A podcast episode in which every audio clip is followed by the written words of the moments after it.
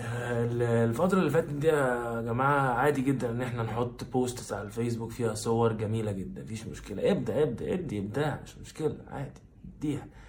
والإبداع لما بيزيد بقى معانا شوية بنحط شوية كلام فوقيها.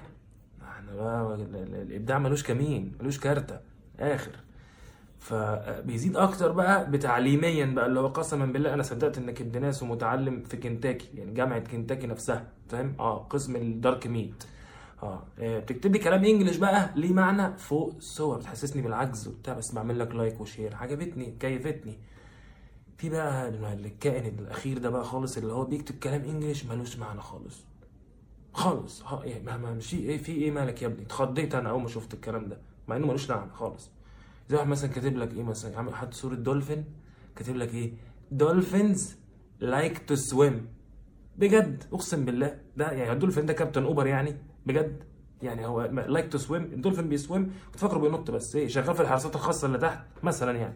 والنبي أنت عرفتني كده إن الدولفين فعلا like to swim كانت هاني اللي عايزه خلف آه يلا مش مشكلة. واحد تاني وحاطط لك إيه مثلا؟ إيه آه، صورة شمس جميلة. فاهم؟ الله الصورة هايلة بس. بص فوق يا معلم تلاقي إيه كاتب لك the sunset والله والله يا كابتن اللي هناك ده sunset معلش يا كابتن بعد اذنك اللي هناك ده sunset ها؟ كنت كنت فاكره قرص عيش طاير في ال... أنا آسف معلش اصل أنا جاهل. ما أعرفش حضرتك لازم تكتبها لي عشان أنا ما بعرفش الصورة من غير ال caption اللي فوق. آه معلش. آه زي الف... والتاني بقى واحد برضو استنى اسمع بقى بص يجيب لك يحط لك كوباية قهوة. يقول لك drinking coffee آه لا أنا كنت فاكرك هتشطف بيها. بجد آه أو كنت فاكرها بقى علبة Vicks شوية هتقعد تعمل كده بقى الصورة اللي بعديها شنب قهوة بقى وقرف. تمام؟ بعدين يبتدي يحور عليك بقى.